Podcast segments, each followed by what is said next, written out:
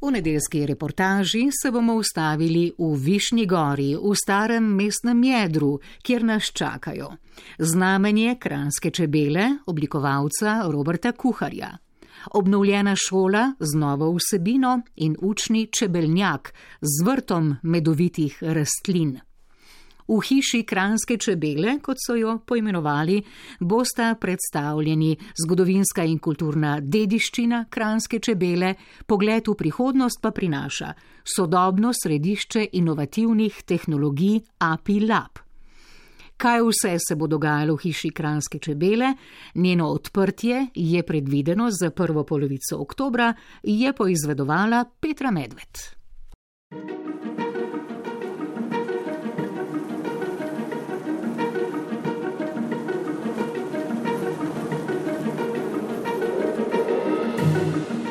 osrčju Višnje gore na mestnem trgu nekdanja stara šola dobiva novo podobo in novo namembnost. Hiša Kranske čebele, kot so jo poimenovali, bo s svojimi dejavnostmi ozaveščala obiskovalce o pomenu in vlogi, ki jo imajo čebele pri opraševanju rastlin in varovanju narave. O tem, kako je nastala ideja o hiši Kranske čebele, je župan občine Ivančna Gorica Dušan Strnat povedal. Kar nekaj časa smo iskali namembnost za zgradbo stare šole tukaj v centru, v starem mestnem jedru Višnje gore.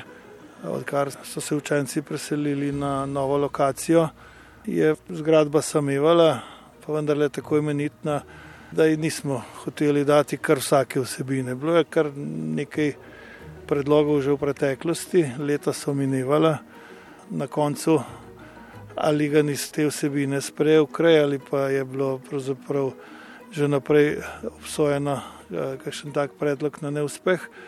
Iskali smo pač pravo priložnost. No, in ko je nekako sreča ali pa slučajno nesel na, raz, na pogovor o tem, da je pravzaprav v eh, bližini, v bližnjem gradu pod Smreka rojena eh, kranska sivka, pravzaprav ni bilo daleč do ideje, da to obeležimo, da svetu predstavimo to čebelo, ki je prva v vseh pogledih, razen po razširjenosti po svetu zaenkrat.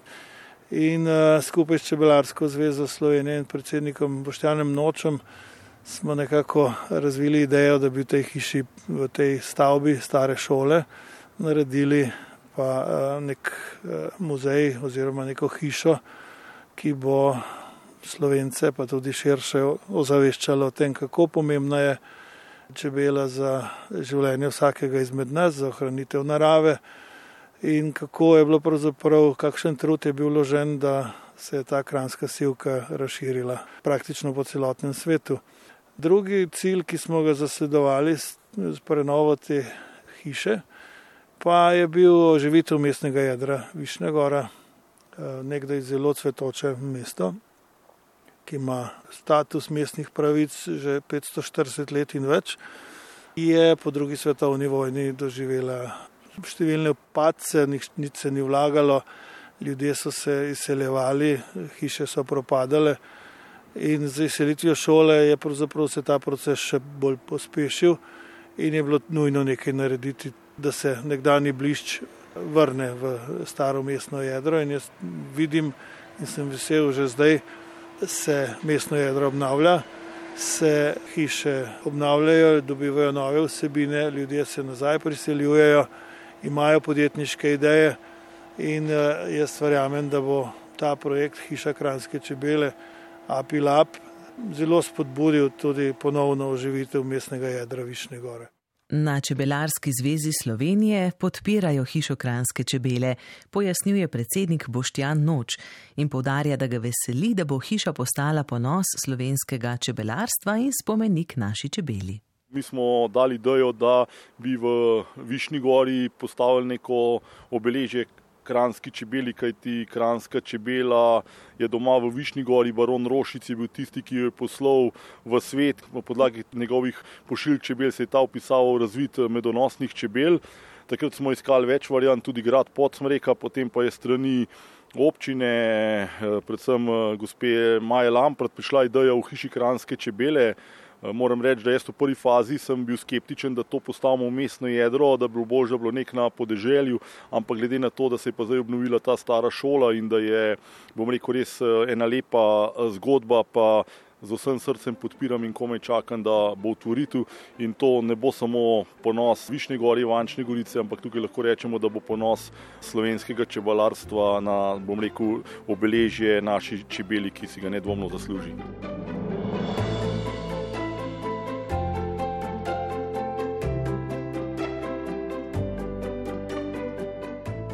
V hiši Kranske čebele v Višnji gori bo deloval interaktivni muzej, ki bo skrbel za ohranjanje, preučevanje in zbiranje slovenske kulturne dediščine z področja čebelarjenja ter za prenašanje znanja o kranski čebeli. Hkrati pa bo z zgodbo kranske čebele predstavljena tudi dediščina družine Ročic, ki je zaslužna za ogled slovenskega čebelarstva v svetu. Direktorica Zavoda za kulturo in turizem, prijetno domače občine Ivančna Gorica, Maja Lampret. Namreč nagrado Podsmreka je nekoč delovala družina Rošic, ki je zaslužna za današnjo prepoznavnost in ugled kranske čebele v svetu. Oni so namreč se ukvarjali z vzrejem matic, se ukvarjali z trgovanjem, z prodajo matic, zato pravimo, da so zaslužni, da je kranska sivka druga najbolj razširjena čebela v svetu. Potem so imeli trgovski čebeljak, pomembno so vplivali skratka na različnih področjih čebelarstva. In ta zgodba kranske sivke je pravzaprav tako dobra, da smo se odločili, da jo tudi predstavimo ljudem. Zraven so se napletle še številne druge aktivnosti. In tako je postal projekt, ki je pomemben ne samo z kulturnega, ampak tudi z turističnega vidika za razvoj celotnega območja. Uh, gospod Rošic je imel tukaj blizu svoje uh, čebeljake v Podsmreki. Tako, živel in deloval je na gradu Podsmreka. Eh, to, kar je on počel, je še za današnje čase skoraj da ne predstavljivo eh, v kako velikem obsegu. To zgradom Podsmreka, da se ne bi pozabilo, je občina pridobila projekt IMO Underground, eh, preko katerega gre za evropski projekt, preko katerega se v bistvu digitalizira in zbira predmete in tako naprej. Skratka, kot rezultat tega projekta bodo obiskovalci v hiši Krajinska čebela s pomočjo VR očal se bodo lahko sprehodili skozi grad pod smreka torej in videli, doživeli, kakšen je bil v tistih časih, koliko panjev je imel Rošic, kako je izgledala takratna čebelarska delavnica in tudi sam grad pod smreka z okolico. Če se zdaj sprehodiva po hiši, kaj bomo videli v pritličju, kaj v nadstropju? Projekt smo zasnovali tudi kot vstopno turistično točko občine Vančna Gorica. V pritličju obiskovalec pravzaprav najprej pride v turistično-informacijski center. Z vidika turizma je ta lokacija odlična, ker se lepo navezuje na Jurčičevo domačijo, na Stiški samostan in ostale lokacije v občini. V tem turistično-informacijskem centru bodo obiskovalci lahko izvedeli vse informacije tako o hiši, kot tudi o širši okolici, si pogledali grad pod smrika skozi Vijaročala in tako naprej.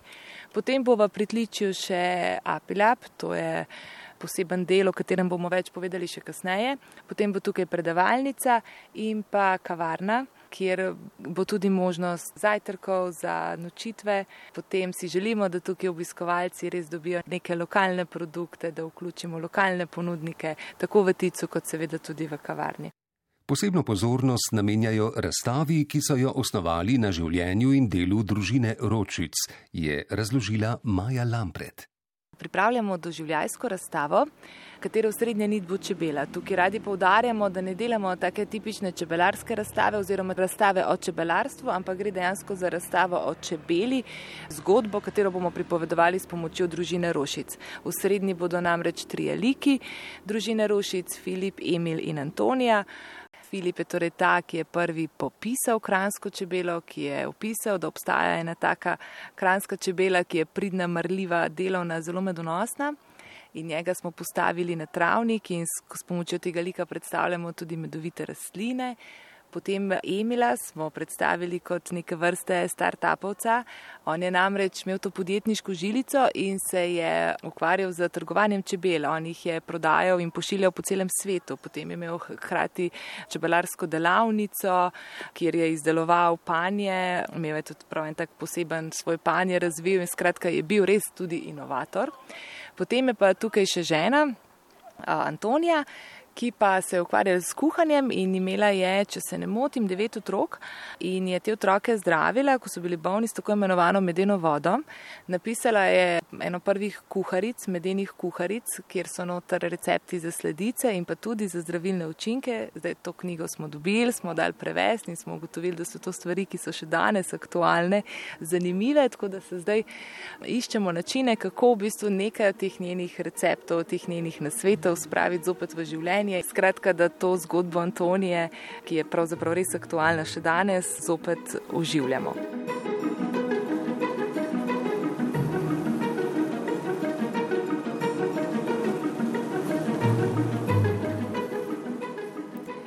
Hiši Kranske čebele čebele resnično tudi domujejo.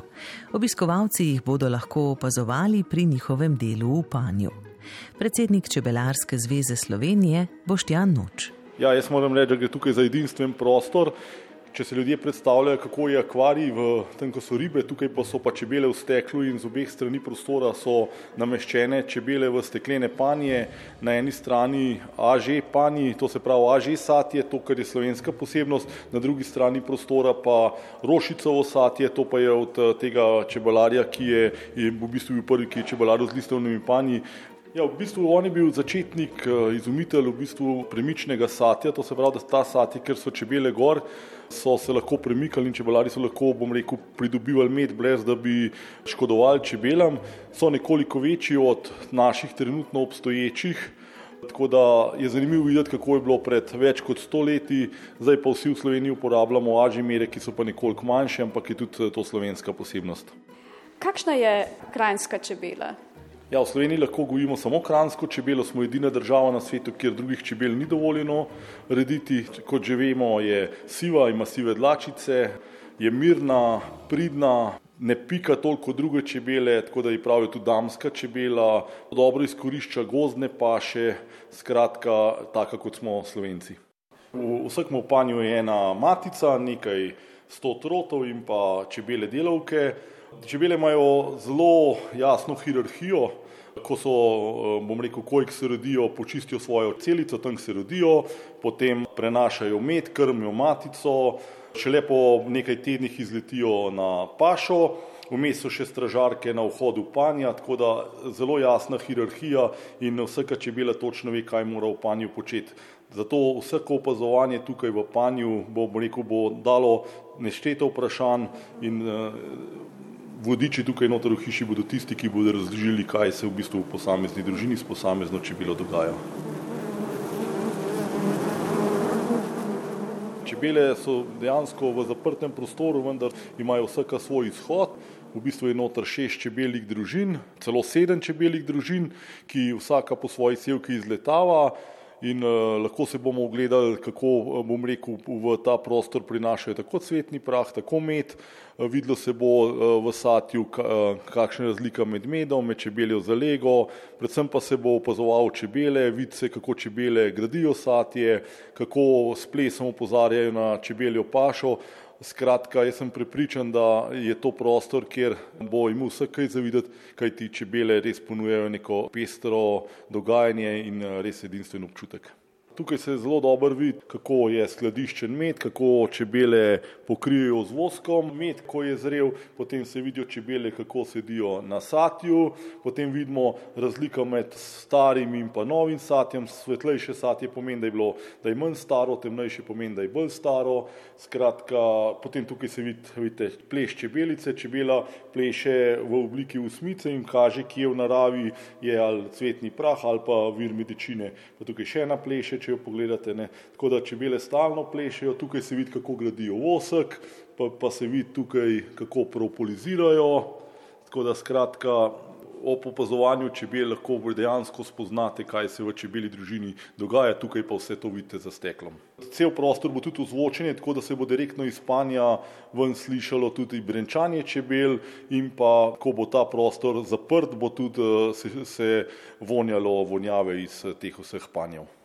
Kadarkoli bodo prišli, bo videl, kaj čebele v satju počneno. Če tukaj pogledate, kako lepo čistijo, tukaj ena čisti celice, druga odlaga medicino v satje. Tam, ko se bolj svet, tukaj od spode, vidite, to je čist frišno preneseno iz okolice, tam, ko je pokrito, je že skladiščeno. Bo pa seveda v zimskem času tega dogajanja nekoliko manj, od meseca aprila pa do meseca septembra pa bo, bom rekel, to zelo živahno in jaz upam, da bodo skrbniki čebel tako dobro skrbeli za čebele, da drug let eh, lahko dobimo tudi nekaj kozarčkov medu prav iz teh panjev iz hiše kranske čebele.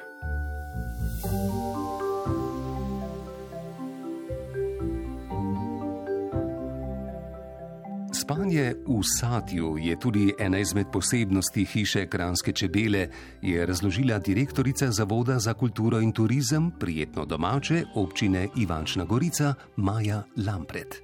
Zdaj se nahajamo v nočitvenem delu hiše Kranska čebela. Ta del smo poimenovali spanje v satju, v panju, bi tudi lahko rekli. Te spalne satnice so različne, načeloma so za dve osebi, štiri imajo svoje stranišča, večina jih je brez, imajo skupne sanitarije, potem tri satnice so namenjene druženju, ena ima celo gugalnico. Spodaj, kot vidite, so polovične enote, ki so namenjene ali shranjevanju. Možnost je tudi imeti tukaj neka dodatna ležišča okrog in okrog pride še v zelenitev, blazine, skratka celoten projekt teh nastanitev je res narejen s ciljem, da ljudje, ko vstopijo, ko pridejo samo v hišo Kransko čebelo, vstopijo tudi v nek način bivanja skupnosti, kako bi temu rekla, tako kot čebele sobivajo, tako si želimo, da tudi obiskovalci tukaj sobivajo. Posebnost eh, teh nočitev pa je to, da je v bistvu celotna ta nočitvena konstrukcija narejena na podstrešju tega objekta in eh, da je pravzaprav streha tega objekta okrog in okrog steklena, kar zagotavlja res eno veliko dodano vrednost. Izjemen razgled je na Višnjo goro in okolico. Verjamem, da bodo lepe tudi noči kjer bodo dejansko gostje lahko opozovali zvezde. In skratka, verjamemo, da bo tole nekaj posebnega in eno čisto posebno doživetje za obiskovalce. Na občini Ivančna Gorica si želijo, da bi hiša Kranske čebele postala tudi učni center, kjer bi se lahko otroci in mladostniki iz vse Slovenije poučevali o kranski čebeli in čebelarstvu. Župan občine Ivančna Gorica Dušan Strnat. Z svetovnim dnem čebel je Slovenija dokazala, da je vele sila v čebelarstvu in to velja s pridom izkoristiti. Seveda tukaj eh, gonilna sila eh, vseh teh aktivnosti Čebelarska zveza Slovenije s čebelarskimi društvi. Pri nas delujeta dve čebelarski društvi in sta zelo aktivni tudi pri, pod, pri podpori in pri izvajanju projekta Hiša Kranske čebele Apilap. Vsi pa se zavedamo, da, da ni eh, napredka, oziroma da nobena dejavnost ne more obstati brez mladih in da je treba ta znanja prenašati na mlade. Zdaj v naših čebelarskih društvih, tako kot žal v mnogih drugih društvih, prevladujemo starejši ljudje, ki seveda nismo neko bed, da te dejavnosti živijo in eh, zato je seveda potrebno najprej poskrbeti za podmladek in s pomočjo eh, tega projekta, s pomočjo aktivnega vključevanja naših čebelarjev in tudi vrtcev in šol, smo uspeli pritegniti že zdaj kar lepo število mladih ljudi oziroma otrok v šolske čebelarske krožke. S tem projektom pa bodo seveda imeli ti krožki oziroma ta dejavnost izobraževanja mladih še več možnosti pa ne samo za naše, našo mladino, ampak računamo, da bi to nek postal lahko nek učni center oziroma da bi lahko tukaj pri nas se mladi s čebelarstvom na drugačen način seznanili eh, tudi iz celotne Slovenije. Če smo pa nekako malo samo všečni, pa računamo, da bo glas o tej hiši kranske čebele o vsebinah, ki bojo, bodo v njej na drugačen način, seveda, da bo segel tudi prek meja naše občine oziroma naše države.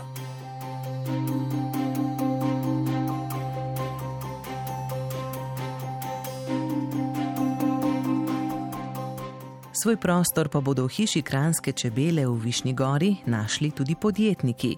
Med drugim gre za podporo čebelarjem, da razvijajo podjetniškega duha in razširijo svojo dejavnost, razlaga podžupan občine Ivančna Gorica Tomaš Smole. APILAB, središče inovativnih tehnologij, je komplementarna vsebina hiši Kranske čebele in je namenjena dvigu kompetenc malih in srednjih podjetij v lokalni skupnosti, regiji in tudi širše.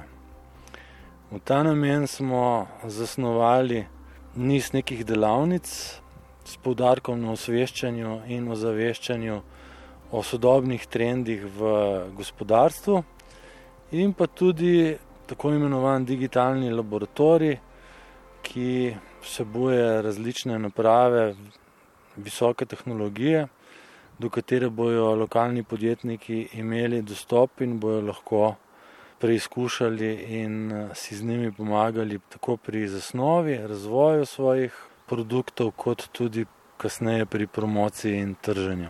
Morda še bolj kot to so zanimiva usposabljanja izobraževanja ter nudenje podpora ne samo mladim podjetnikom, ampak tudi že uveljavljenim podjetjem, ki pa še niso zadost velika, prodorna, da bi si sami lahko privošli določene stvari pri snovanju, razvoju in kasneje tudi promociji in prodaji svojih produktov. Tu so mišljena tudi srečanja podjetnikov, z bolj uveljavljenimi podjetniki, različna predavanja, povezovanja tistih, ki izkažejo potrebo z razno raznimi inštitucijami, ki se ukvarjajo z izobraževanjem, usposabljanjem, raziskavami in razvojem.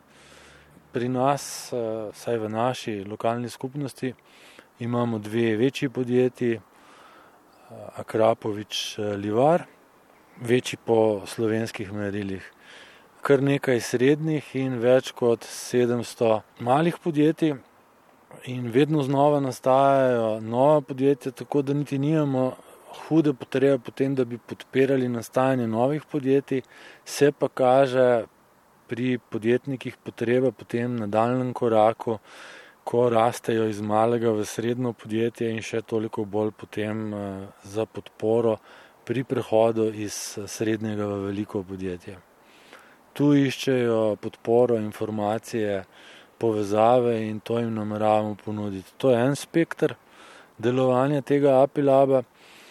Drugi, ki je bil pravzaprav zametek, je seveda podpora čebelarjem, da razvijajo eh, podjetniški duh, eh, da se odločijo, da svojo dejavnost razširijo. Pri nas je namreč tudi zaradi davčne zakonodaje situacija takšna, da v veliki večini ima recimo oče 20 panjev in sin ali pa hči 20 panjev, ker do 20 panjev veljajo eni predpisi, potem pa drugi. Ne?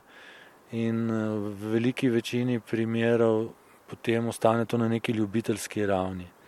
Dejstvo pa je, ne, da je povpraševanje tako po slovenskih čebelah, kot po izdelkih, ne samo v medu, tudi drugih izdelkih, tako veliko, da tudi približno ne uspemo zadostiti temu povpraševanju in bi bilo smiselno uh, opogumiti še več uh, čebelarjev, da grejo na podjetniško pot in uh, sprejmejo ta izziv in mislim, da bi imeli možnost tudi iz tega naslova boljše živeti in dobro poslovati. Tretja skupina pa so seveda lokalne skupnosti same, vključno s svojimi zavodi, društvi in tako naprej. Časi se spreminjajo, prostovoljnih delavcev in entuzijastov je vedno manj, tudi predpisi so vedno strožji na tem področju in temu se seveda potrebno prilagoditi, začeti uporabljati sodobne tehnologije, prijeme, zato da se v tem eh, poslovnem okolju lahko znajdejo in so uspešni.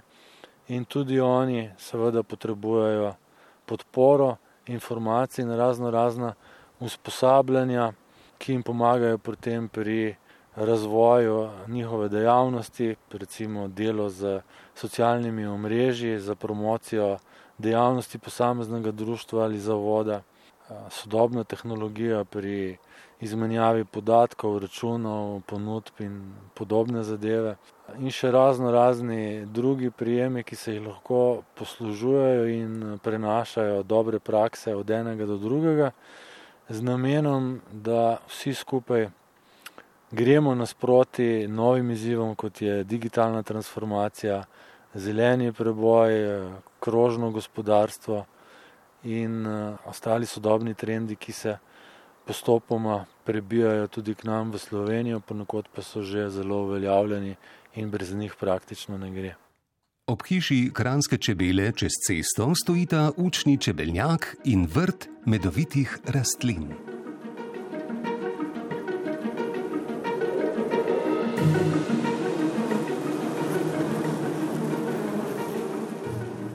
Boštjan Noč, zdaj smo na vrtu medovitih rastlin, zraven je čebeljak. Kakšne rastline eh, so to, zakaj so pomembne? Čebele sploh v tem jesenskem času rabijo za zimo, bom rekel, čim več cvetnega prahu in pa vsaka kapla medicine, ki pride zelo prav. Tako da tukaj, če pogledamo res bogat vrt, eh, sivka, pa eh, medovita meta bršlan, ki sicer uh, ni najbolj uh, koristen, medicina zelo hitro trdi in jo čebelari glih ne obožujemo, ampak tudi da velike količine cvetnega prahu. Tako da ja, na vrtovih medovite rastline in takle lepo vreme, v bistvu čebele se jim kar smi. Tukaj pri hiši Kranske čebele se je postavil učni čebelnak z več kot 20 aži panji. Zanimivost tega čebelnaka je tudi, da so naše tradicionalne panske končnice, ki so dali oni posebno zgodbo, zgodbo kozlovske sodbe v Višnji gori v večjih jezikih, ker panska končnica tudi je samo na slovenskih eh, panjih, tako da res ena prijetna zgodba, to se pravi tipičen slovenski čebelnjak, vrt medovitih rastlin, aži panji, panske končnice, vsa tradicija na enem mestu.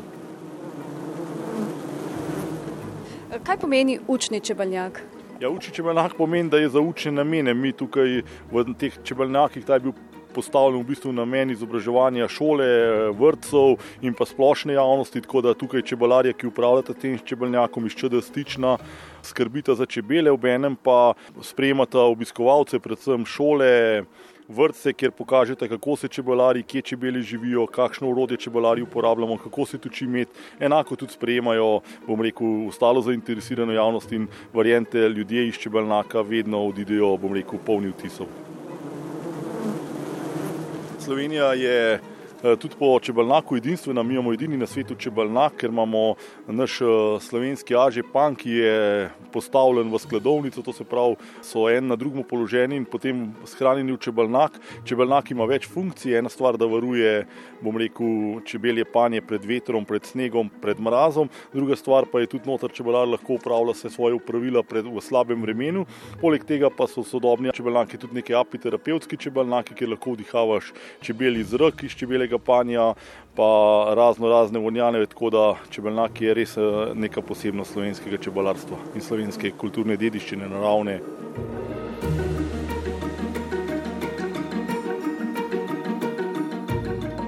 Drage poslušalke, spoštovani poslušalci, to je bila nedeljska reportaža, v kateri smo govorili o hiši Kranske čebele v Višnji gori.